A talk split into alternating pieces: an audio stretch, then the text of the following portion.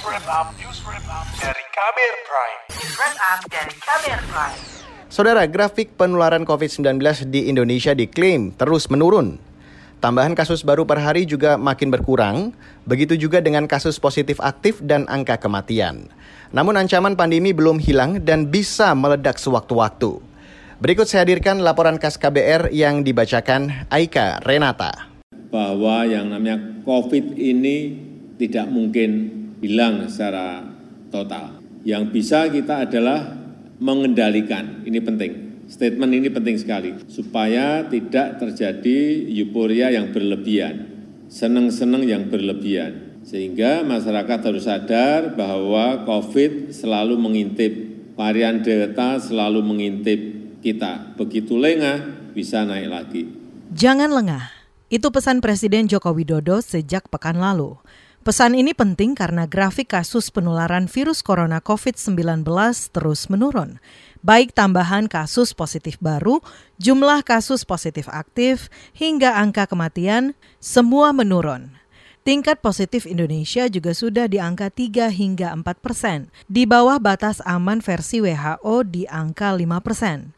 Padahal, pertengahan Juli lalu, positivity rate Indonesia mencapai 30 persen.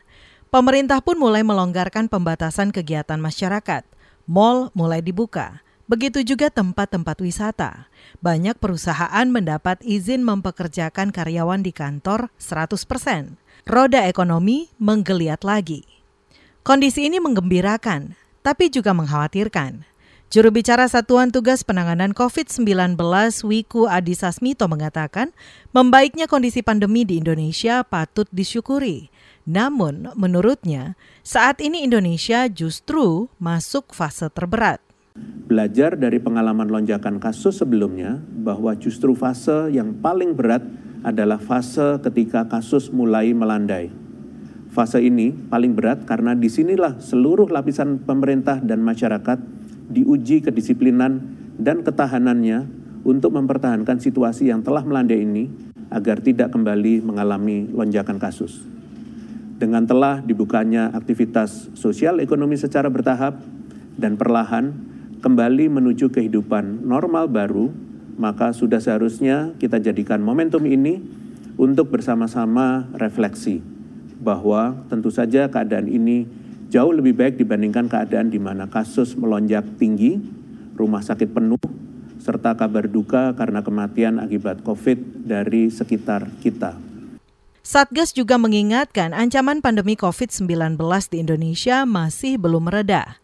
Wiku Adhisa Smito mengatakan itu tidak hanya karena varian Delta masih menjadi ancaman, tapi juga kemungkinan masuknya virus varian baru, yaitu varian Mu, yang kabarnya lebih ganas dibanding varian Delta. Pandemi COVID-19 gelombang pertama mencapai puncak pada Januari lalu dan berangsur mereda pada Mei. Namun, memasuki Juni, Indonesia diguncang gelombang kedua yang mencapai puncak pada pertengahan Juli, di mana kasus positif baru pernah mencapai 51 ribu dalam sehari, yang diduga karena virus varian Delta. Kalangan epidemiolog menilai tidak ada kunci paling manjur menghadapi COVID-19 selain patuh protokol kesehatan dengan 6M, memakai masker, mencuci tangan, menjaga jarak, menjauhi kerumunan, mengurangi mobilitas, dan mengikuti vaksinasi. Epidemiolog dari Universitas Erlangga Surabaya, Laura Nafika Yamani mengatakan, penanganan pandemi COVID-19 membutuhkan waktu lama. Karena itu, masyarakat mau tidak mau harus beradaptasi untuk hidup berdampingan dengan COVID-19 dengan menjalankan protokol kesehatan itu. Namun, Laura juga menyarankan pemerintah tetap fokus dan tidak mengendorkan langkah-langkah seperti screening dan pelacakan virus corona. Untuk screening penyakit-penyakit menular ini sangat penting dilakukan di Indonesia. Mungkin tidak hanya terkait influenza, terkait dengan COVID ya, tapi juga penyakit-penyakit menular yang lain. Jadi surveillance ini ya harus dijalankan, terutama ya pada lokasi-lokasi perbatasan, misalkan surveillance kesehatan di airport ya, kemudian surveillance kesehatan di pelabuhan yang mana kita tahu mobilisasi masyarakat keluar masuk ini kan sangat tinggi ya. Laura mengatakan para ahli kesehatan juga siap memberi masukan ke pemerintah, terutama ketika saat ini pemerintah menyiapkan peta jalan hidup berdampingan dengan COVID-19.